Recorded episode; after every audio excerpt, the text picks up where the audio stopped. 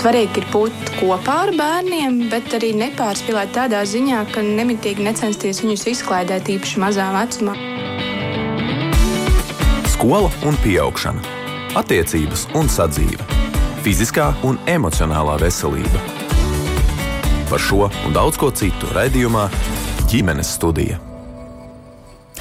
Jā, laba diena, rādījums ģimenes studijas sāk savu skanējumu. Jūs sveicināta producenta šodien ir Saramīta Kolāta, mans vārds ir Agnese Linka.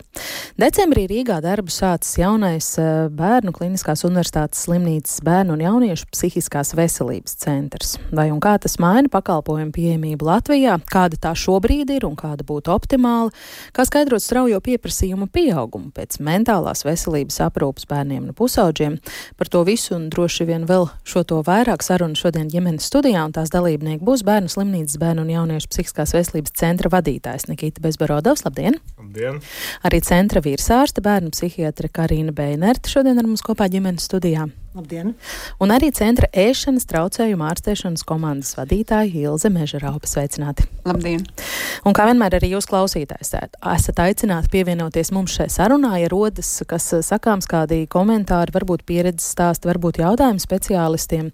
Rakstiet no Latvijas radio mājaslapas www. Latvijas radio LV droši izmantojot pogu nosūtīt ziņu rēdījumam ģimenes studiju. Jā, sākšu varbūt ar jautājumu, kāpēc vispār bērnu slimnīcai bija nepieciešama šāda vieta īpaša klīnika tieši bērnu un jauniešu psihiskās veselības um, aprūpē. Kolēģis rāda uz Nikitu, tad jums jāsāk. Nē, nu, jo stāsts ir garš, mēs ar šo te plānošanu nodarbojamies, un tas nav pirmais mēģinājums. Ja tad saplānot uh, jauna centra telpas, uh, bet uh, nu, šīs ilgst no kaut kur 2016. gada. Jā, jo principā bērnu psihiatrijas klīnika jau sen ir daļa no lielās bērnu slimnīcas. Jā, kā, kā, protams, ka bērnu slimnīca, kā terciāra slimnīca, vienīgā bērnu slimnīca Latvijā sen nodrošina psihiatriskus pakalpojumus. Ja, tad, bet nu, vēsturiski bērnu psihiatrijas klīnika ir veidojusies Bērnu Gaļazerā novietnē, nu, kas ir celta 80. gados, un, un kopš tā laika nevienu reizi nebija kardināli kapitāli renovēta. Un tās telpas, kurā klīnikā attīstījās vēsturiski, nekad bija, nebija piemērotas un domātas tieši psihiskās veselības pakalpojumiem. Jā, oriģināli tā doma bija par infekciju slimībām. 80. gados jā, bērnu bija daudz un daudz slimoja ar, ar dažāda veida zarnu un pārējiem infekcijiem. Jā, tas telpas bija nu, neatbilstošas jau sākotnēji. Jā, tas plāns, ka, ka bērnu psihiatrijas klīnika, kā pēdējā no, no lielām klīnikām, kas pārceļās uz bērnu slimnīcas pamatnovietni Torņa kalnā. Ja, tad, un ka, ka tiek rādītas šīs piemērotākas, jaunas, modernas telpas, ir senas. Nu, vienkārši ar to gan plānošanu, gan, gan finansējumu atrašanu, gan, diemžēl, arī pēc tam celšanu mums gāja. Uh, ilgi, sarežģīti, bet pa laimi šogad beidzot, decembrī, mēs nonācām līdz, līdz, līdz tai fiziskai pārcelšanai jaunajās telpās. Mm. Aizritējis tagad, var teikt, gandrīz apaļš mēnesis, ja, kopš, kopš klīnika ir vaļā. Jā. Vai varat jau vērtēt, kā esot šajā jaunajā vietā, mainās tā jūsu darba ikdiena un tas pakalpojums, ko saņem pacienti, cik liela nozīme šajā jūsu pārstāvētajā nozarē ir videi, infrastruktūrai, kur un kā tas notiek?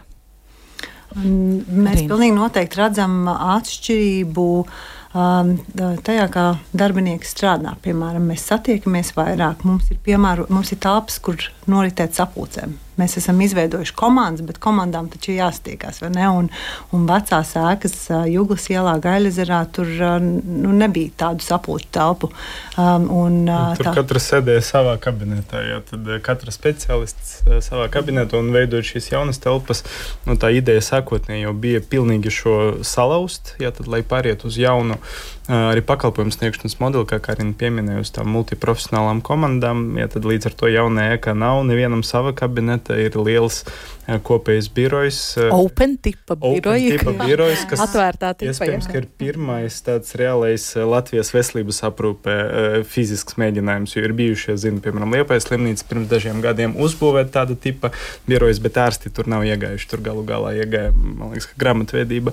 Jo, principā, nu, mūsu mūsu valstī ārsti nav pieraduši strādāt tieši šādā formātā, kādu mēs gribējām ieviest. Mums bija ļoti daudz bažu, protams, ka pārceļoties, kā, kā darbinieki jūtīsies, jā, jo trauksme ir diezgan liela. Un tas, ko es manu, ir, ka, ka pārsteidzoši labi cilvēki ir iejutušies. Jā, tad tā trauksme, man liekas, ir ļoti samazinājusies, jo cilvēki sajutuši, ka, ka, ka nu, patiesībā šādā veidā var strādāt labāk. Vēl. Mm -hmm. Tas ir no uh, darbinieku perspektīvas, pacientiem. Kāpēc tas ir uh, labāk tur, kur jūs šobrīd viņus satiekat? Nu, kaut Jā. vai tas, ka telpas ir uh, nelaiž skaņu cauri tik ļoti, kā nu, plānās padomu laikā, ēkas sienas un durvis. Uh, tā, tagad mums ir kārtīga skaņas izolācija, kas uh, psihiatrijai ir ļoti svarīga, kur mēs runājam par delikātām tēmām. Tomēr ir jābūt cilvēkam, jābūt, jājūtas droši, ka viņam var runāt ar psihologu vai psihiatru. Nu, tas pats Jā. drošības aspekts, nu, viens ir, ka, ka tagad ir individuāls palātas stacionāri, ja, beidzot tā cilvēcīgi katrs no jauniešiem var atrasties savā privātā telpā, bet, bet arī ceļot tās telpas mēs bijām nu, mērķiecīgi domājuši par to pašu drošības aspektu, pretsuicīda pasākums, lai nu, da, jaunieši dažādos psihiskos stāvokļos un ar dažādiem riskiem varētu droši atrasties. Ilze. Jā. Un, uh, man tāda tā ļoti jauka atklāsme bija, kad pārceļoties no vecās slimnīcas uz uh, jauno, dažas pacientas tika pārvestas vienkārši. Un, uh, pirmajās dienās viņas sūtīja vecākiem un draugiem, kādi šeit ir numuriņi. Ne, kad, kad tā vide jau pati par sevi jau liek justies labāk un umulīgāk, un līdz ar to tad, tās psihoemocionālās ciešanas arī ir vieglāk pārvarēt. Mm -hmm, jā. Jums speciālistiem arī lielā mērā deva vārdu. Jums bija pilnīgi teikšana par to, kādai šai infrastruktūrai, kādam tam iekārtojumam, tām telpām, kādām ir jābūt. Nu, protams, ka, ka ideālā pasaulē droši vien, ka, ka ar neierobežotu resursu pieejamību, jā, tad, tad varēja būt arī kaut kādi citi risinājumi, bet, bet mēs tiešām bijām ļoti aktīvi iesaistīti jā, visos posmos, gan plānojot, gan pēc tam iekārtojot telpas. Ja, par to droši vien ka nekādu aizrādījumu nevar būt. Nu, vienīgi, ka, ka plānotas telpas bija 17. gadā, bet ievācamies mēs 23. gada nogalē. Un, protams, ka pa to laiku mēs paši esam izauguši ļoti. Klīnika gan no personāla skaita viedokļa, gan no tiem pakalpojumiem, ko mēs sniedzam, ir ļoti paplašinājusies. Un nu, jau partļoties bija skaidrs, ka tā, tās telpas nu, jau ir bišku pa šauru. Ja, tad, un šis bija viens no iemesliem, kāpēc nu, mēs izlēmām arī daļu no klīnikas, joprojām ambulatoro komandu, nelielu speciālistu atstāt joprojām novietni Gaļazērā. Nu, otrs apsvērums bija, ka, protams, ka, ka tieši ambulatorā palīdzība ir jābūt pieejamai pēc iespējas tuvāk tai vietai, kur cilvēki ir. Un skaidrs, ka nav visiem jābrauc obligāti uz, uz, uz Torņakalnu, uz bērnu slimnīcu. Jā, tad ļoti svarīgi, ka, ka ir arī šīs ambulatoras filiāles ārpus mm. pamata centra. Varbūt izstāstīsim arī klausītājiem, kādu, kādu segmentu jūs katrs eh, šajā jaunajā eh, vietā, klīnikā, struktūrā pārstāvat, kādā jomā darboties. Nu, Nikita ir vadītājs, eh, kā zināms, arī pieņemat vēl pacientus? Jā, protams, ambulatorija strādāju. Diemžēl ne tik daudz, cik man gribētos. Es ļoti cenšos pakāpeniski aizvirzīties prom no, no tā administratīvo pienākumu ja, tad, skaita, kas ir, bet, bet es strādāju ambulatorijā ar pacientiem. Mm -hmm. Karina, jūsu darbīgdiena? Jā, un es kļuvu par virsārsti jau oktobrī, un uh, sanāk, kad rūpējos par visu klīnisko darbu, kas notiek, un uh, par sadarbību starp uh, mūsu klīniku un citām uh, struktūra vienībām mūsu slimnīcā. Mm -hmm. Un Ilze, jūs Jā, esat? Nu, es esmu ēšanas traucējumu komandas uh, vadītājs, strādāju ar uh, pacientiem gan uh, tās primārās uh, aktuālās vizītes, konsultācijas, lai spētu izvērtēt riska faktorus un uh, tālāku ārstēšanas gaitu, un arī nodaļā attiecīgi un ambulatorija. Mm. Kādas vēl komandas, kā tā struktūra ir uzbūvēta jaunajā klīnikā? Mūsu tāda vislielākā komanda ir ambulatorā komanda, kas ir komanda, kurā nokļūst visi, kas tiek nosūtīti. Pirmā, pirmā saskaršanās ir ar ambulatorā komandu. Tad mums ir, ja nepieciešams speciālistu palīdzība ēšanas traucējumos, tad mums ir uh, dr. Mežopas uh, komanda, uh, tad mums ir neirālās attīstības traucējumu komanda, kas strādā ar bērniņiem, kuriem ir uh, autisms, uh, teiksim, attīstības traucējumi kaut kādi konkrēti vai nespecifiski.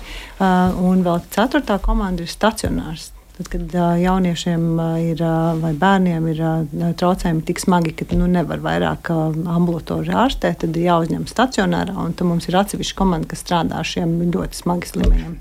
Mm. Vēl viena komanda, ko mēs ļoti gribējām palaist, bet nebijām to diemžēl pagaidām vēl spējīgi izdarīt, jo mums vēl trūkst speciālistu, ir tā saucamā konsultatīvā komanda, ja tad, kas ir speciālistu komanda, kas nodarbojas ar psihisko traucējumu nu, atpazīšanu, diagnostiku un ārstēšanu somatiskajā stacionārā. Jo bērnu slimnīca ir liela terciāra slimnīca. Pēc statistikas trešdaļa pacientu, kas tur atrodas nu, citu iemeslu dēļ, ar savu cukuru diabēta pāsinājumu, ķirurģiskajā nodaļā, pēc traumas vai nu, jebkurā citā nodaļā, ap treš, trešdaļai no viņiem ir pietiekoši izteikti psihiskie traucējumi, kas ietekmē viņu arī somatiskās ārstēšanas gaitu. Trešdaļai. Trešdaļai trešdaļa kaut kur pēc pasaules statistikai. Tas ir ļoti liels skaits. Un, protams, ka ir ļoti vajadzīga eh, nu, specifisks eh, risinājums. Ja, tad, un tagad mums nu, tīri struktūrāli ir tāda iespēja. Mēs fiziski esam uz vietas, mums ir iespēja lielākai sadarbībai. Pagaidām vēl mums nav pietiekoši daudz speciālistu. Mm -hmm. Bet nu, plānos ir palaist arī šādu komandu.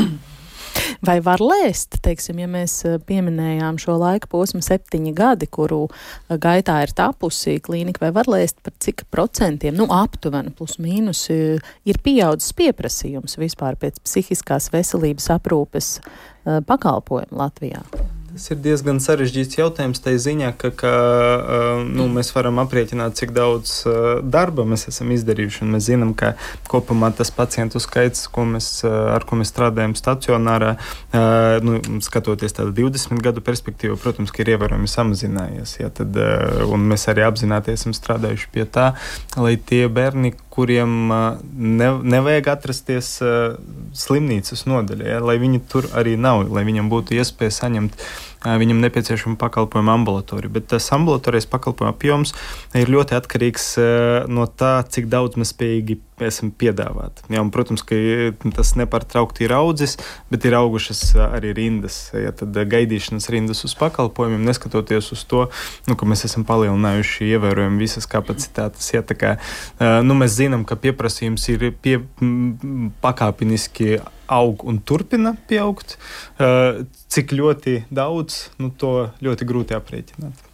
Mm. Nu, piemēram, par ēšanas traucējumiem runājot, eh, šī ir viena tāda joma, mēs arī ģimenes studijā vairāk kārt regulāri varētu teikt par to, par to spriežam un runājam, un vienmēr dzirdam, ka mm, tā ir tāda lieta, kur ir ļoti audzis eh, pieprasījums pēc jūsu pakalpojumu. Jā, un tas ir lielā mērā saistīts ar to, ka saslimšana ar ēšanas traucējumiem visā rietumu pasaulē palielinās skaits Tā nu ir. Mēs arī esam rietumu pasaulē. Un mūsu bērni, bet arī tas, ka kopš mēs attīstām šo programmu, mēs esam tiešām bijuši gan radio, gan televīzijā, gan, uh, gan vecāki ir uh, atvēruši mājaslapu Anoreksija LV un ir dažādas aktivitātes, un līdz ar to tā slimība kļūst atpazīstamāka un, uh, un ātrāk un vairāk biežāk vēršas pēc palīdzības. Mm. Bet nu, ir tā, ka tad, kad plānoju to slimnīcu, atceros, ka nu, e, ēšanas traucējumi, ah, nu, mums ir kādi divi pacienti mēnesī tikai stacionārā. Ir šobrīd mums ir priekš kam tās piecas gultas. Un šobrīd ir tā, ka mums ir tās piecas gultas, nu, pie, atsevišķi tāda nodaļiņa, jauka, maiga, bet nu, mums ir par maz. Visas pilnas. Jā, visas piecas. Jā. Cik ilgi vidēji pacients uzturas pie jums? Nu, mēs necenšamies uh, ilgstoši turēt. Ir uh, valstis, kur, teiksim, ok, tur uh, stacionārā līdz uh, normālas varas sasniegšanai vai uh, līdz sešiem mēnešiem, bet mēs cenšamies pēc iespējas ātrāk. Tas ir uh, mēnešu laikā vismaz izrakstīt, lai jaunietis, meitene, puisis varētu atgriezties sociālajā dzīvē un mm. turpināt ārstēšanos, uh, tādu gan intensīvu ārstēšanos uh, dienas stacionāri ietvaros. Visiem pacientiem mm. vidējais ārstēšanas mm. ilgums ir 14 gultas dienas, jā. Jā, bet ēšanas mm. traucējumi. Uh, nu, Pārsvarā meitenes jāsaka, ja tad uh -huh. ir tas, uh, nu, iešanas traucējumi kopumā ir traucējumi, kas prasa ļoti specifisku uh -huh. uh, palīdzību, ja tad, uh, un tas prasa ilgāku laiku nekā vidēji. Uh -huh. Karīnī, jums vaicātu, kā mainās tas jūsu pacientu profils kaut kā gadu gaitā? Nu, viens, ko es dzirdu, um, jo es nestrādāju Latvijā, uh, es samērā nesen strādāju, bet tas, ko es dzirdu no kolēģiem, ir ļoti līdzīgi, kā es dzirdēju Anglijā pirms tam strādājot. Tieši paškaitējums ir kļuvis uh, viens no tādiem prominentiem uh, traucējumiem, ko mēs redzam daudz vairāk un, un daudz biežāk. Tiešām pusauģi vairāk dara sev pāri. Nu, tas ir tāds um, galvenais novērojums, es mm. teiktu. Mm. Ja mēs gribētu tā konspektīvi paskaidrot klausītājiem, ko tas nozīmē, kas ir paškaitējums. Nu, tad, kad jauniešiem ir grūti emocionāli, tad viens no veidiem, kā viņi sevi no, nomierina, tad, kad viņiem ir tik grūti, ka viņi vairs nevar nomierināt sevi, piemēram, klausoties mūziku, vai skatoties seriālu, vai skatoties telefonā, tad viņi kādreiz var ķerties pie tādiem radikālākiem veidiem, piemēram, savu izdarot uh, nelielus iegriezumus ādā. Uh, vai eh, knibinot tādu, kasot tādu. Tas var tiešām būt dažādos veidos, bet uh, galvenais ir te, tieši tas uh, sāpju vai pāridarījums, kas parasti ir ar tādu efektu, kad mēdz nomierināt, vai, vai kā, kā, kas no kuram ir tas iemesls, ko viņi mēdz panākt ar šo, bet parasti ir tāds nomierinošs tas efekts. Mm. Nikita, jūs vēl no savas puses. Vēl viena pacientu ko? grupa, kas neapšaubāmi ir pieaugusi pa, pa, pa pēdējiem, nu, vispār pēdējo desmit gadu laikā, ir bērni ar attīstības traucējumiem, tā skaitā bērnības autismu, autisko spektru. Jā, tad, eh, un mēs redzam, ka, ka tiešām vecāki eh, nāk eh, ātrāk, ja, es strā, sāku strādāt, nu, es neatceros īsti pacientu jaunāku par četriem gadiem, kas būtu atnācis ja tad ar autismu līdz bērnu psihiatram. Nu, tad tagad mēs arī gadu vecu un pusotru gadu vecus bērnus eh, bieži vien konsultējam, un tas ir ļoti pareizi, jo tas ir tas vecums, kad mēs varam eh, noķert, atpazīt eh, risku, ja tad uz autisko spektru varam sākt efektīvi ar to darboties. Bet nu, mums, protams, tas ir ļoti liels izaicinājums no tā viedokļa, ka, ka piedāvāt pietiekošu apjomu un pietiekoši kvalitatīvu, agrīnu, savlaicīgu pakalpojumu, ja tad neskatoties uz to, ka valsts ir nu, šeit ir tā joma, kur atsevišķi pat ir bijuši budžeta piešķirumi, ja tad agrīnas intervences pakalpojumam. Ja, tad tāpat mēs redzam, ka mums veidojas rindas arī uz to. Ja, tad, jo tas pieprasījums uh, ir stipri augstāks par, par, par piedāvājumu, jo šeit nu, kaut kādi ievērojami attīstības riski ir kaut kur 2% no populācijas jau nu, tiešām ļoti, ļoti izteikti. Ja, tad, nu, tie ir ļoti daudz bērnu, kuriem ir nepieciešama agrīna palīdzība. Mm.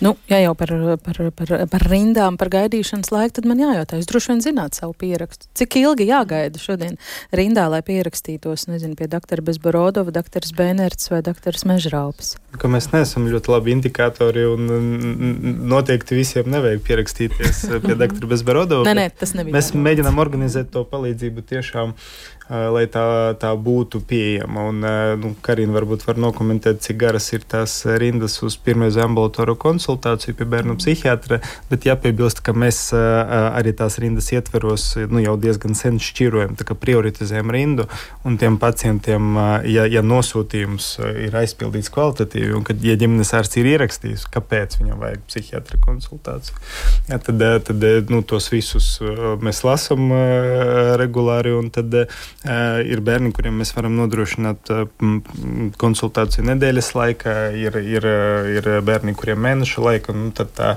tā parastā rinda ir 5, 6 mēneši ir tas, kas ir jāgaida. Ja, ir, ja, ne, ja nav steidzamības rindas nosūtījums, piemēram, jā. 5, 6 mēneši. Jā. Arī mūsu jā. pašu speciālisti teiksim, no slimnīcas nosūta arī tāpat tās dažkārt nākas gaidīt. 5, 6 mēneši un ar ēšanas traucējumiem mēs esam izveidojuši atsevišķu koridoru. Teikt, jā, varētu teikt, ka koridori ir. Kur ir, mums ir speciāls tālruņa numurs, kur, kur, pie kura ir apmācītas māsiņas. Un, uh, kur var piezvanīt gan vecāki, gan arī, piemēram, ģimenes ārsts vai kolēģi no stacionāra. Uh, jebkurš var piezvanīt un pajautāt, ko darīt. Man ir šāds bērns, un māsiņas tad uh, attiecīgi uh, spēj uzdot vajadzīgos jautājumus, lai saprastu, cik ātri nepieciešama šī konsultācija. Un, uh, dažkārt tas rezultējas ar to, ka brauciet tūlīt uz slimnīcu, dažkārt uh, tas ir uh, mēneša laikā konsultācija vai arī kaut kādā mierīgākā gaitā. Mm -hmm. Mm -hmm. Kā tas, kāds ir tas ceļš, kā vispār pacienti nonāk pie bērnu psihiatra? Tas ir konsultācija pie ģimenes ārsta. Ģimenes ārsts izvērtē, uzraksta manam bērnam nosūtījumu, zvanu un pierakstos, vai ir kāda cita ceļa? Tieši tā kā jūs arī teicāt, tas ir standarta ceļš, bet, protams, ka arī neiroloģi mēdz nosūtīt pie mums, un uh, citi speciālisti mm. var nosūtīt arī pie bērnu psihiatra. Mm. Tā kā jā, pēc nosūtījuma saņemšanas jāzvan uz slimnīcu, un tad ieliek mm. gaidīšanas rindā, un mēs mm. pēc tam apskatāmies uz to nosūtījumu. Mm. Cik liela nozīme tam, cik ģimenes ārsts ir uh, zinošs, kompetents, ieinteresēts? Nu, Teiksim tā, um, nu, es pieļauju, ka visi ģimenes ārsti ir, uh, nu, var uzrakstīt pilnīgi noteikti, vismaz vārdos brīvā tekstā, tekstā ierakstīt, kāda ir problēma. Un, ja tur ir daži teikumi ierakstīti, tad mums ar to pietiek. Mums nevajag ļoti gudras diagnozes vai gudrus vārdus. Mums patīk, ka mums uzraksta, kas, kādas ir aizdomas, ja, kas, kas ir novērojami. Vai tas ir -hmm. traucēta uzvedība, vai ir savukārt neattīstās valoda tā, kā ir gaidīts, vai varbūt, ka ir nenāk nāk ārā no mājas. Vai, nu, vienmēr sakot, tiešām var brīvā tekstā ģimenes ārstam tur nav uh, vajadzīgs uh, speciāli diagnožu kodi, lai pie mums nosūtītu. Un, uh, Nu, protams, ka, ka tas, kas, kas ļoti varētu palīdzēt, ir izmantot tās digitalizācijas iespējas un nu, e-nosūtījums, piemēram, kas ir tā daļa no no e-veselības, kas, kas kaut kādā veidā strādā, ja, tad bija šis sliktāk nekā e-recepte, kas, kas tiešām arī ir ļoti, ļoti palīdzoši. Jā, tad, nu, tad to mēs ļoti lūdzam kolēģiem tiešām izmantot, jo tad mums ir vieglāk to informāciju saņemt. Bet, bet runājot nu, par, par, par primāru veselības aprūpes ārstu kompetenci, nu, viņi jau ir arī tas pirmais kontakts. Jā, tad nu, ir ļoti svarīgs posms tieši ģimenes ārsta, ģimenes ārsta komanda, kas varētu ļoti lielu daļu no psihiskiem traucējumiem nu, noķert vismaz to risku saulēcīgi daļu, arī sniegt palīdzību. Ne visiem obligāti bērniem ar trauksmi ir jānonāk līdz, līdz psihiatram. Jā, tad, Uh, un šeit es domāju, ka, ka nu, mēs mēģinām darīt no savas puses visu, lai, lai kolēģiem primārajā veselības aprūpē palīdzēt, radot viņam instrumentus, algoritmus, radot garākus un īsākus. Un, nu, pēdējo gadu laikā Protams, ka, ka nu, tas informācijas apjoms, kas ir pieejams, ko var izmantot eh, ģimenes ārsti, ir pieaudzis. Nu, tikai jautājums atkal, kāda ir viņu eh, kapacitāte un cik daudz pacientus viņam ir jā, jāapskata jā, stundas laika, jo ar jebkuru, vai tas būtu bērns vai pieaugušies ar psihiskiem traucējumiem, nu, tas prasa laiku. Bērnu psihiatra pirmreizējā konsultācijā mēs pašlaik plānojam pusotru stundu, jā, tad atkārtot 45 mm. minūtes, jā, tad arī ģimenes ārsts, nu, diemžēl 5 minūtes nu, nevar novērtēt mm. bērnu psihisko stāvokli.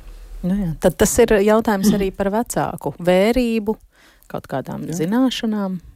Es teiktu, mm -hmm. pieaugušo kopumā, jo apkārt bērnam vienmēr ir daudz pieaugušo, Nu, vecāks ir ļoti svarīgais pieaugušais. Nevienmēr nu, tas atkal nostrādā, atkal vecākiem ir dažādi resursi, bet labi, ja ir citi, ja ir vecmāmiņas, nezinu, onkuļi, tantes, ir skolotājs galu galā.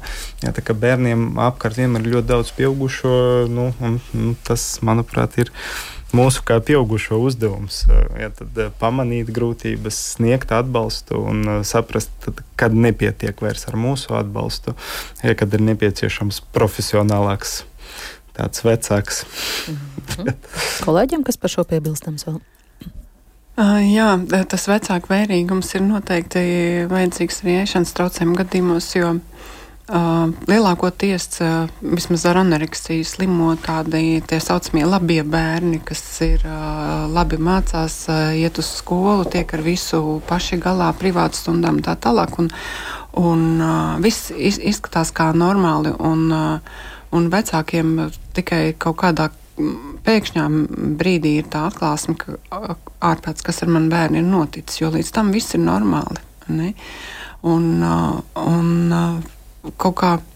Laikam tas laiks tāds šobrīd ir, kad e, visi ārkārtīgi skrien, strādā un cenšas uh, pēc iespējas labāk padarīt un uh, labāk dzīvot. Un tas bērni aiziet tajā plūsmā un viņi tā kā pazūd. Un būtu ļoti labi, ja Es nezinu, no ēšanas traucējuma viedokļa būtu ļoti labi, ja būtu kopā brokastis, kopā vakariņas un brīvdienās pusdienas, un tad jau nekas garām nepaskriet. Mhm. Un arī sarunas būtu, un varbūt arī depresija būtu mazāk. Vai ne? Pilnīgi piekrītu. Mums tieši tā par depresiju mm. trauksmēm arī ļoti līdzīgi. Mums nu, ir, ir sava veida atbalsts, kas ir saistīts ar to, kas ir ģimenē, vai ne? Ka tās mm pozitīvās saiknes uzturēšana un, un Jā. tas, ka vecāki zina, bērni zina, ka viņi vēl aizvien vecākiem rūp un ka, mm ka viņi viņus mīl. Citreiz tam nav jābūt nekādam ļoti tādam skaidram skaidri pateikt, tā mēs tevi mīlam, citreiz vienkārši parūpēties, vai tu negribi tevi, vai kaut kā tādas ikdienišķas uh, rūpes arī kādreiz parāda bērniem, kā vecākiem viņi rūp. Vai domājot par jaunās klīnikas atklāšanu, var spriest arī par to, vai šis kaut kādā mērā palielina mentālās veselības aprūpes pakalpojumu pieejamību Latvijā? Mums pilnīgi noteikti ir tā, tādas telpas ieplānotas, kas ļauj veikt, sniegt pakalpojumu, kāds mums nebija. Ja?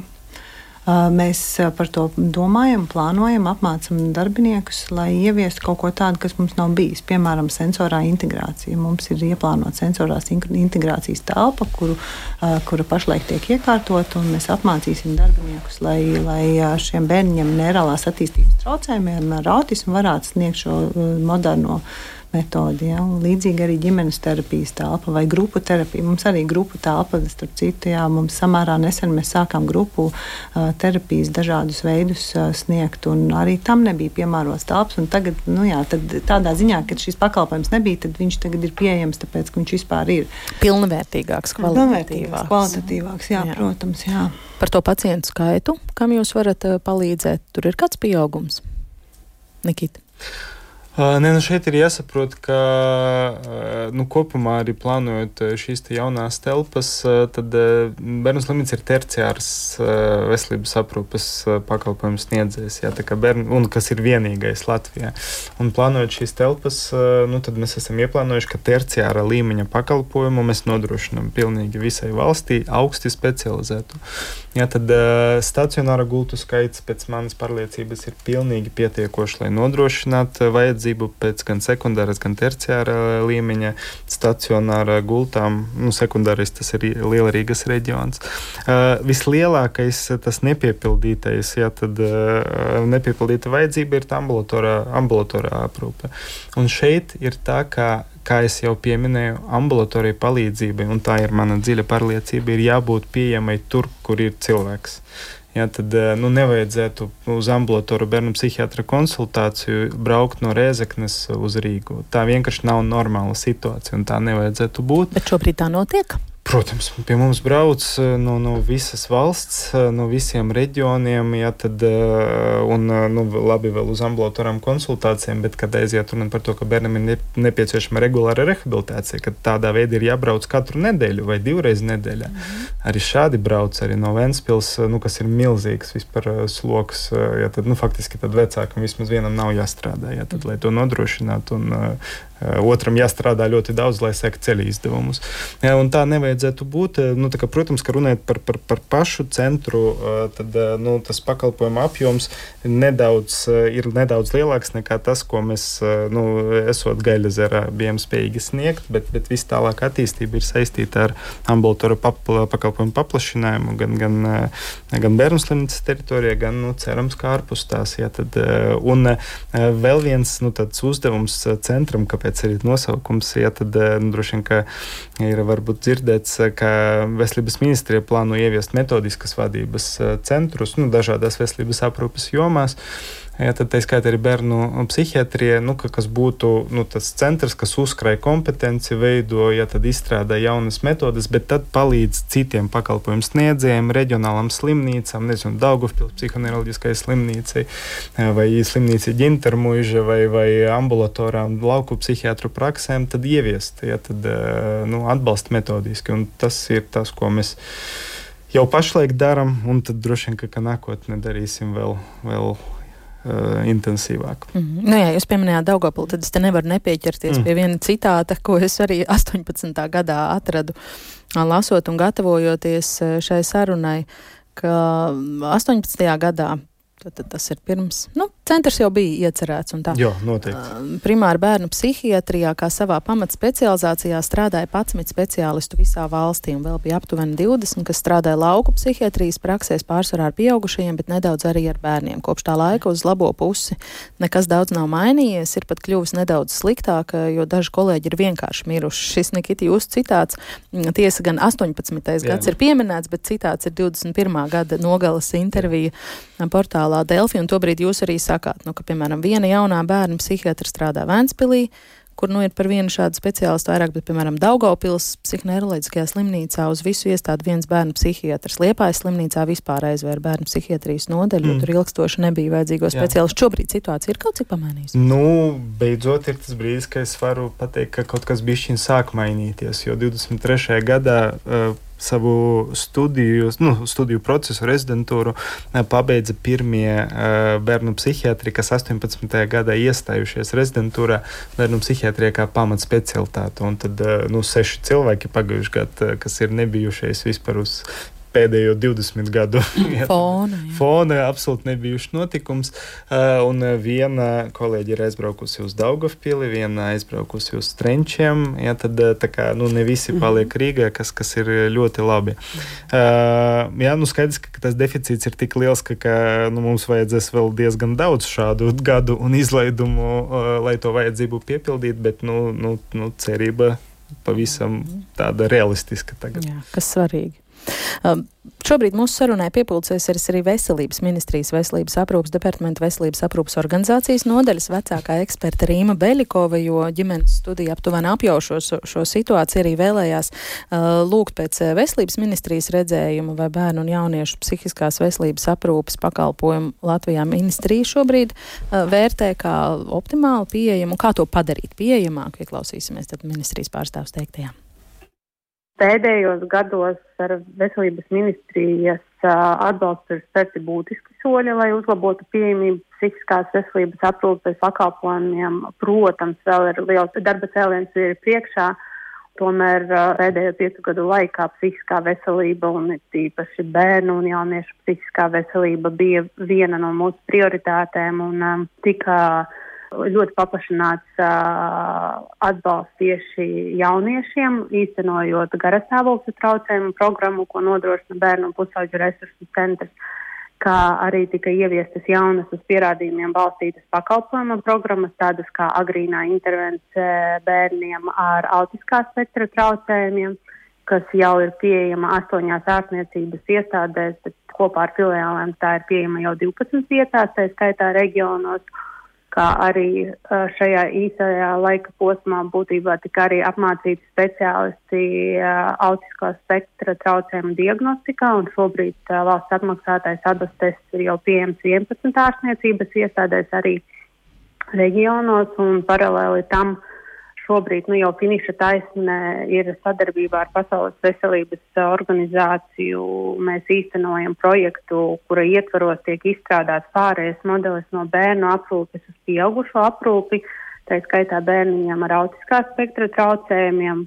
Man jāsaka, man ir liels gandarījums un prieks, ka 2023. gadā tika atklāts jauns fiziskās veselības centrs, un tas ir vēl viens būtisks solis uz priekšu pakalpojumu pieejamības uzlabošanai un mūsdienīgais pacientu vērstas aprūpes nodrošināšanai. Jā, arī paši speciālisti teica, ka jaunas telpas ir ļoti labi un ļoti vajadzīgas, bet tomēr tas mm. nepalielina speciālistu skaitu. Un vai veselības ministrijā ir aplēses, cik konkrēti psihiatru šajā nozarē, domājot par bērnu un jauniešu psihiskās veselības aprūpu Latvijai, būtu optimāls skaits? Un vai ir plāns, kā vairot tieši bērnu psihiatru skaitu? attiecībā uz pakalpojumu pieejamības uzlabošanu, atverot jauno centru, tad man ir jāteic, ka, protams, pakalpojumu pieejamība uzlabosies priekš Rīgas reģiona iedzīvotājiem un tiem, kuriem ir varbūt nepieciešama daudz specializētāka palīdzība, ko sniedz Bērnu Kliniskā universitātes slimnīca. Bet tajā pašā laikā uh, tiek uh, attīstīti psihiskās veselības aprūpes pakalpojumi arī citās ārstniecības iestādēs, un tā skaitā reģionos kas pēc būtības ir tuvāk bērnu un jauniešu dzīves vietai. Līdz ar to, manuprāt, ir jāvērš uzmanība, ka ir nepieciešams attīstīt šo pakalpojumu pieejamību ne tikai Rīgas reģionā, bet arī ārpus tā. Mēs joprojām uzskatām, ka galvenais resurs, protams, ir cilvēku resurs, un tieši tāpēc mums šogad arī tiek paredzētas apmācības speciālistiem, lai uzlabotu autiskā spektra diagnostiku, lai arī uzlabotu agrīnās intervences, ietvaros pielietotās metodes, piemēram, kā Denvera koncepts, kā arī ir jāpiemina, ka dažus gadus atpakaļ tika mainīti rezidentūras uh, ministru kabineta noteikumi, kas paredz uh, bērnu psihiatru apmācību, uzlabojās uh, jauno speciālistu iespējas apgūt šo profesiju un tādējādi arī uzlabojot šo speciālistu pieejamību, bet tas arī nav vienas dienas jautājums, ko var atrisināt vienā dienā. Tas uh, paņem savu laiku, bet pagājušo gadu bija uh, pirmais, manuprāt, tāds uh, lielāks izlaidums bērnu psihiatriem. Kā rezultātā tika uzlabota pieejamība, jo šie psihiatri jau strādā ārstniecības iestādēs, tā skaitā reģionos.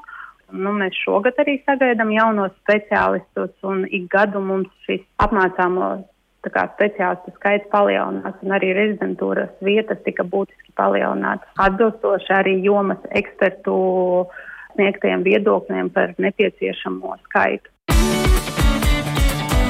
Ģimenes studija. Jā, un es atgādināšu, ka ģimenes studijā mēs šodien runājam par to, ka Rīgā bērnu slimnīcas paspārnē tā teikt darbu ir sācis jaunais bērnu un jauniešu psihiskās veselības centrs, vai un kā tas maina, mainīs pakalpojumu pieejamību Latvijā, kāda tā šobrīd ir, kā to uzlabot. Un sarunas dalībnieki ir bērnu slimnīcas, bērnu un jauniešu psihiskās veselības centra vadītājs Nikita Bezbarodovs, centra virsārste Karina Bēnērte un centra ēšanas traucējuma ārstēšanas komandas vadītāja Ilze Mežraupe. Un, nu, Tāpat kā ierakstā dzirdējām veselības ministrijas eh, pārstāvi, kam noteikti tā varbūt varat um, piekrist, um, ko piebilst? Nu, es domāju, ka, ka tam, ko, ko eh, Beļakovs kundze teica, var pilnībā piekrist. Viņi ir arī vienīgais speciālists veselības ministrijā, kas strādā ar psihisko veselību visu. Kas, nu, Protams, ka ir savādi. Ja, tad uh, uz milzīgu veselības nozari. Uh, kas ir prioritāri? Kas ir prioritāri, ir precīzi viens uh, fantastisks ierēdnis, kas mēģina darīt nu, tiešām visu Labāko iespējamo un neiespējamo. Uh, bet nu, viens cilvēks var izdarīt tikai tik daudz. Ja līdzīgi kā nu, nozare nu, te pašā Lietuvā strādā atsevišķi departaments vesels, ja, tad Igaunijā strādā nu, diezgan liela 11 cilvēku komanda. Ja, tā kā nu, šeit tā, tam, ko, ko Rima teica, nu, mm. tiešām ir ļoti daudz kas izdarīts ar esošiem resursiem. Ja, tad pēdējos gados nu, var tikai pateikties. Bet, protams, ka, ka nu, skaidrs, ka tie resursi ir ierobežoti. Jā, uz optimālu situāciju mums vēl tāls ceļš ejams, jo tomēr, kā mēs šeit dzirdējām, 5-6 mēneši rindā, ja tā mm. nav galēji dzīvības nāves jautājums, tad tomēr rinda ir gan gara, uz ko ir uh, jāgaida. Viena vēl lieta varbūt uh, par to efektu no mainītiem rezidentūras noteikumiem. Jūs teicāt, pagājušajā gadā, 23. Mm. gadā ļoti pozitīvi seši jauni bērnu psihiatri Jā. ir šo specialitāti apguvuši. Tas lēmumam, kas pieņems 18. gadā. Lūkā. Un uh, kas mūs gaida tuvākajos? Šajā, nākamajā, aiznākamajā gadā tikpat, tikpat cerīgi varam turpināt? Nē, runājot par ārstiem, tad, tad tiešām mums cerība ir, jo katru gadu, nu, noteikti tas nebūs seši, tad tas vietu skaits arī mazinās pakāpeniski, bet, bet vairāk jauni speciālisti nonāks. Ja, tā kā pakāpeniski, nu, vismaz ārstu līmenī, tad tāds cilvēku, cilvēku resurs būs pieejamāks. Bet problēma ir tāda, ka viens bērnu psihiatrs, sēžot savā kabinetā, ļoti maz ko var izdarīt var izdarīt, ja tad atpazīt, mm. diagnosticēt, bet uh, to reālo darbu, rehabilitāciju, ārstējot, ja tad uh, nodrošina uh, tā liela komanda. Un, nu, piemēram, joprojām absolūti nav skaidra mm. klīniskā psihologa, ja tad psihoterapijas speciālistu vispār loma veselības aprūpē, un līdz ar to nu, tas psiholoģisks pakalpojums ir ļoti, ļoti, ļoti, ļoti ierobežoti pieejams, es teiktu. Jā, tā kā nu, mums būtu jāskatās īpaši, ja mēs nu, runājam par, par psihisko veselību plašāk nekā nekā tikai par ārstiem. Ja, tad, eh, un es vēl vispār nepieminēju māsu resursu. Jo... Jā, es starp citu mhm. uzgāju arī vienu rakstu, Jā. ka 21. gada pavasarī arī publicēts, ka 22. gadā Jā. šī bērnu psihiatrijas klīnika iespējams eh, sāks eh, savu darbu, vērs durvis un tiek meklēts tieši medicīnas māsas, kas būtu gatavas turpināt izglītoties, Jā. lai kļūtu tieši par psihiatrijas māsām. Kā jums Jā. ar šo veicās? Nu, tas, kas mums ir noticis, mums pavisam, pavisam nedaudz ir paplašinājies ambulatorisko māsu kapacitāte. Mums vispār ir tas resurs nedaudz, nedaudz pieaudzis, bet plāns būtu palielināt ievērojami vairāk. Un apmācīt, tiešām izveidot tādu mūsdienīgu psihiatrijas māsu pakalpojumu, kas ir integrēts multiprofesionālā komandā un pilda to funkciju, kas pašlaik varbūt vai nu vispār nav, vai kāds cits to veids. Mm. Kāpēc tas ir svarīgi pacientiem, viņu ģimenēm? Tāpēc, ka māsas eh, ir pieejamākas, māsas var koordinēt eh, ļoti sarežģītus, nopietnus, eh, teiksim, ar nopietniem traucējumiem pacientus, ko ārstam nav kapacitāte izdarīt, tāpat arī psihologam nav kapacitāte izdarīt. Māsas var pildīt tādu lomu, kas pašlaik vienkārši nenotiek. Un tas, ko mēs sakam, ka pacienti vai nu pazūd aizās starp dažādiem pakalpojumiem, vai teiksim, vecāki ir pašiem ar, ar problēmām un nenoorganizē bērnam pakalpojumus, nu, tad māsa var teiksim, būt tā, kas piezvan un aktīvi uzjautā, vai jūs uh, nāksiet uz šo sapulci vai konkrēto konsultāciju. Nu. Ne tikai tā, kā mēs esam pieraduši, nu, ka vēdra vīrusu gadījumā uzliek sistēmu Jā. vai iedod tabletes pareizās. Būtiska izmaiņa nu, māsu, māsu lomas vispār, nu, tai redzam un arī māsu darbā. Jā, tad, un, nu, mēs redzam, cik ļoti grūti Latvijā kopumā iet eh, ar, ar šīm pārmaiņām. Jo nu, pa, citās pasaules valstīs, tāpat Lielbritānijā, kur arī neilgstoši ir nostrādājusi, ja, tad māsas ir galvenais vispār pēc skaita tas cilvēku resurss. Jo māsas dara ļoti daudz. Māsas ir spējīgas ar atbilstošu apmācību sniegt uh, psiholoģiskas intervences, psihoterapijas. Ja, tad, uh, nu, nerunājot par to ļoti svarīgu koordinātora lomu, ko pašlaik vai nu neveic neviens, vai nu veic, veic pacienta vecāks, nu, cik vien viņš to spējīgs darīt. Ja, tad, vai uzņemas kādi citi komandas locekļi. Ja, kā, nu, māsas ir, ir milzīgs tas, tas Latvijas neizmantotais resurs. Ja, tad, un, nu, šeit tik liels cerības kā par ārstiem es pašlaik nu, tik lielu gaismu neredzu. Tuneļa galā, jā, Ilzi, jūsu jomā droši vien arī šī māsas loma ir um, liela. Nu, jā, Nu, kā jau teicu, mums ir māsīņas, kuras spēja šobrīd jau izvērtēt to pacientu aktualitāti un, un jau organizēt to rindu pieņemšanu. Un, un tikai tad, ja nezina risinājumu, tad meklē, kur ir ārsts. Mm. Vai, vai kāds cits, bet uh, nodaļā tas nenoliedzami ir ļoti svarīgi. Uh, tā māsas klātbūtne gan ēdināšanas reizēs, gan arī starpēdienu reizēm šo psihoemocionālo stāvokli izvērtēt, atbalstīt un tādu. Un šādu darbu jau arī māsas var veikt tā ārpus stacionāra vairāk. Mm. Jā, Noteikti arī īpašas kompetences kaut kādas jā, tomēr ir jā, vajadzīgas. Varbūt ļoti labs atbalsts vecākiem un, un arī jā. pašiem audz, tiem pusauģiem, ja viņiem tas ir vajadzīgs. Tā māsām ir jābūt, jo, protams, ka ēšanas traucējumi ir specifiski, un tas ir TRCRS pakalpojums. Nu, nevar būt, nezinu, arī Daugavpilī jau mēs kaut kādā mm. Daugavpilī pieķeramies, mm. bet uh, tur droši vien, ka, ka nav iespējams nu, izveidot tādu un uzturēt komandu. Mm. Bet uh, te pašā Somijā, ja, kur, kur šī sistēma mm. strādā, tad ir māsa, kas ir ēšanas traucējuma māsa, mm. kas sēž viena video aparāta galā, un otrajā galā sēž māsa. Mm. Daugavpilī kopā ar pacientu, un viņi kopā ēd. Nu, tad, eh, bet, nu, tas, protams, ka prasa resursus abās, resursus abās, eh, abās pusēs. Bet, prot, bet kas tad īsti notiek mums tajos reģionos? Tā tad eh, ir, ir daži labie piemēri, kur pa vienam jaunam speciālistam ir aizbraukuši. Viņiem ir tur apkārt tas, tas, tā, tā šūniņa, kurā darboties kaut cik efektīvi. Tas, kas ir pēdējos gados izmainījies, ir pusauģu resursu centra pieejamība. Ja, ir liels, tas ir liels mm. psiholoģiskās palīdzības tīkls, kas ir izplatīts pa Latviju, un, un lielos reģionu centros ir pieejami, um, pieejami ar pa, paš, pašnosūtīšanu. Ja, vienmēr sakot, ka nav vajadzīgs ģimenes ārsts, bet cilvēks pats var pieregistrēties vai, vai mm. teiksim, vecāks var pierakstīt savu bērnu. Un tur viņš satiks vismaz šajos reģionu centros arī to bērnu psihiatru, ja būs nepieciešamība psi Protams. primāri psiholoģisks pakalpojums, jā. bet viņiem ir arī psihiatrs. Bet tas skaidrs, ka tas nav viņu galvenais. Viņi, tas, jā, tas ir vairāk psiholoģiski. Bet ir uh, psihiatru prakses, kas ir uh, arī par reģioniem, uh, bet ar ļoti mazu kapacitāti. Tā ļoti maza kapacitāte, un viņus gāž gar zemi. Tas ir tas, ko mēs dzirdam. Jā. Un tad viņi brauc pie jums uz Rīgas. Tieši tā. Arī, jā. Jā. Bet nu, vismaz reģionālās psihiatriskais slimnīcas pakāpeniski nu, tās šūniņas jau kaut kas sāk veidoties. Tas, protams, arī stipri saistīts ar to, cik, nu, cik slimnīcas vadība ir aktīva un nu, ar kaut kādu skatu. Ja, kā, nu, dažādi kaut kur aktīvāk tas notiek, nu, kaut kur kaut kur tas notiek lēnāk. Mm. Prioritātes mm. dažādas, tā varētu teikt. Ja? Nolasīšu arī pāris klausītāju jautājumus. Vecāki mums raksta Ilzi jautā, vai ir pamats satraukties, tas ir reaģēt, meklējot pēc palīdzības pie speciālistu psihiatrijā, ir bijis viens gadījums ar paškaitējumu. Bija liels strīds ar meitu, 12 gadi pēc tam viņa saskrāpēja ar nazi sev rokas, veicot apmēram kādus desmit skrāpējumus rokas delmā.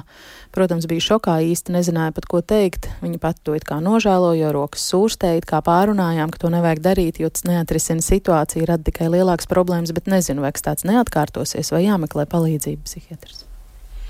Nu, tā ļoti vispārīgi atbildot, eh, nu, parasti jau viens uh, simptoms nekad neliecina par, par traucējumu diagnozi, ja, tad, uh, vai viens, viens atgadījums. Ja, tad, protams, ka vairāk vajadzētu satraukties, kad, kad šī uzvedība ir regulāra. Jo nu, šai uzvedībai ir daudz dažādi mērķi. Ja, tad viens no tiem mērķiem ir komunikācijas mērķis, ja tad ir liels strīds. Mm -hmm mamma nav sadzirdējusi, nu tad, eh, ja, tad eh, tas izpaužas ar tādu uzvedību. Bet, eh, kad, kad nav lielākas grūtības, ko kompensēt, nu, piemēram, šīs te, grūtības ar emocionālu regulāciju, ja tad depresija, trauksme, tad, tad parasti šī uzvedība nu, nefiksēs, neatkārtojas, ka tāds atkārtots uzvedības stereotips. Bet signāls tas ir un uzmanību noteikti vajag pievērst.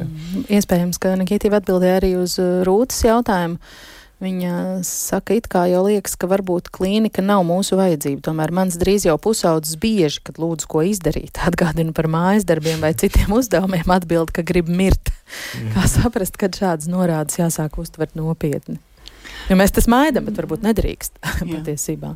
Nu, es domāju, ka ja tas notiek regulāri un, un pie grūtībām, kas ir piemēram mājas darbiem, tad es domāju, ka vislabākais izvērtētājs ir īstenībā vecāks, kurš ļoti labi pazīst savu bērnu un var pateikt, vai tas ir vienkārši izpausme, ka man ir tik ļoti grūti, ka es sim, nu, simboliski es, es, es gribētu tik grūti, ka es gribētu nomirt. Tik grūti izslaucīt grīdu. Jā, nu, kad, un, un kad tas ir patiešām, kad ir jāsāk raizēties, tad vecāki parasti nu, novēro izmaiņas uzvedībā ap to, kad lietas paliek nopietnāk. Tad mēs mm. sākam uztraukties. Varbūt doktoram Mežopē ir ko pateikt piebilst.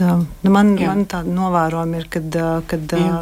bērni tiešām mēdz teikt ļoti radikālas lietas, pie ļoti spēcīgām emocijām. Mm. Un arī mājās man tas pats ir dzirdēts, jā, bet es skaidrs, ka neuztver burtiski, jo es redzu, viss apkārt ir kā parasti. viss, viss. Normāls, nav tikai par bērniem. Jā, Cilvēki mēdz pie spēcīgām emocijām, arī pieaugušie. Jā, jā. jā. Bet šī, šīs mammas, kas mums raksta, ir tādas, nu, var just ļoti rūpīgi rūpīgas, mm. viņas tātad klausās, analizē uzreiz saist ar savu situāciju brīnišķīgi. Cik lielā mērā virzoties jau uz sarunas noslēgumu, jūs savā darba ikdienā saskaraties ar vecāku aizspriedumiem, nesapratni, neizpratni, varbūt nu, pat nevēlēšanos sadarboties tādām stigmām, cik tās ir dzīves?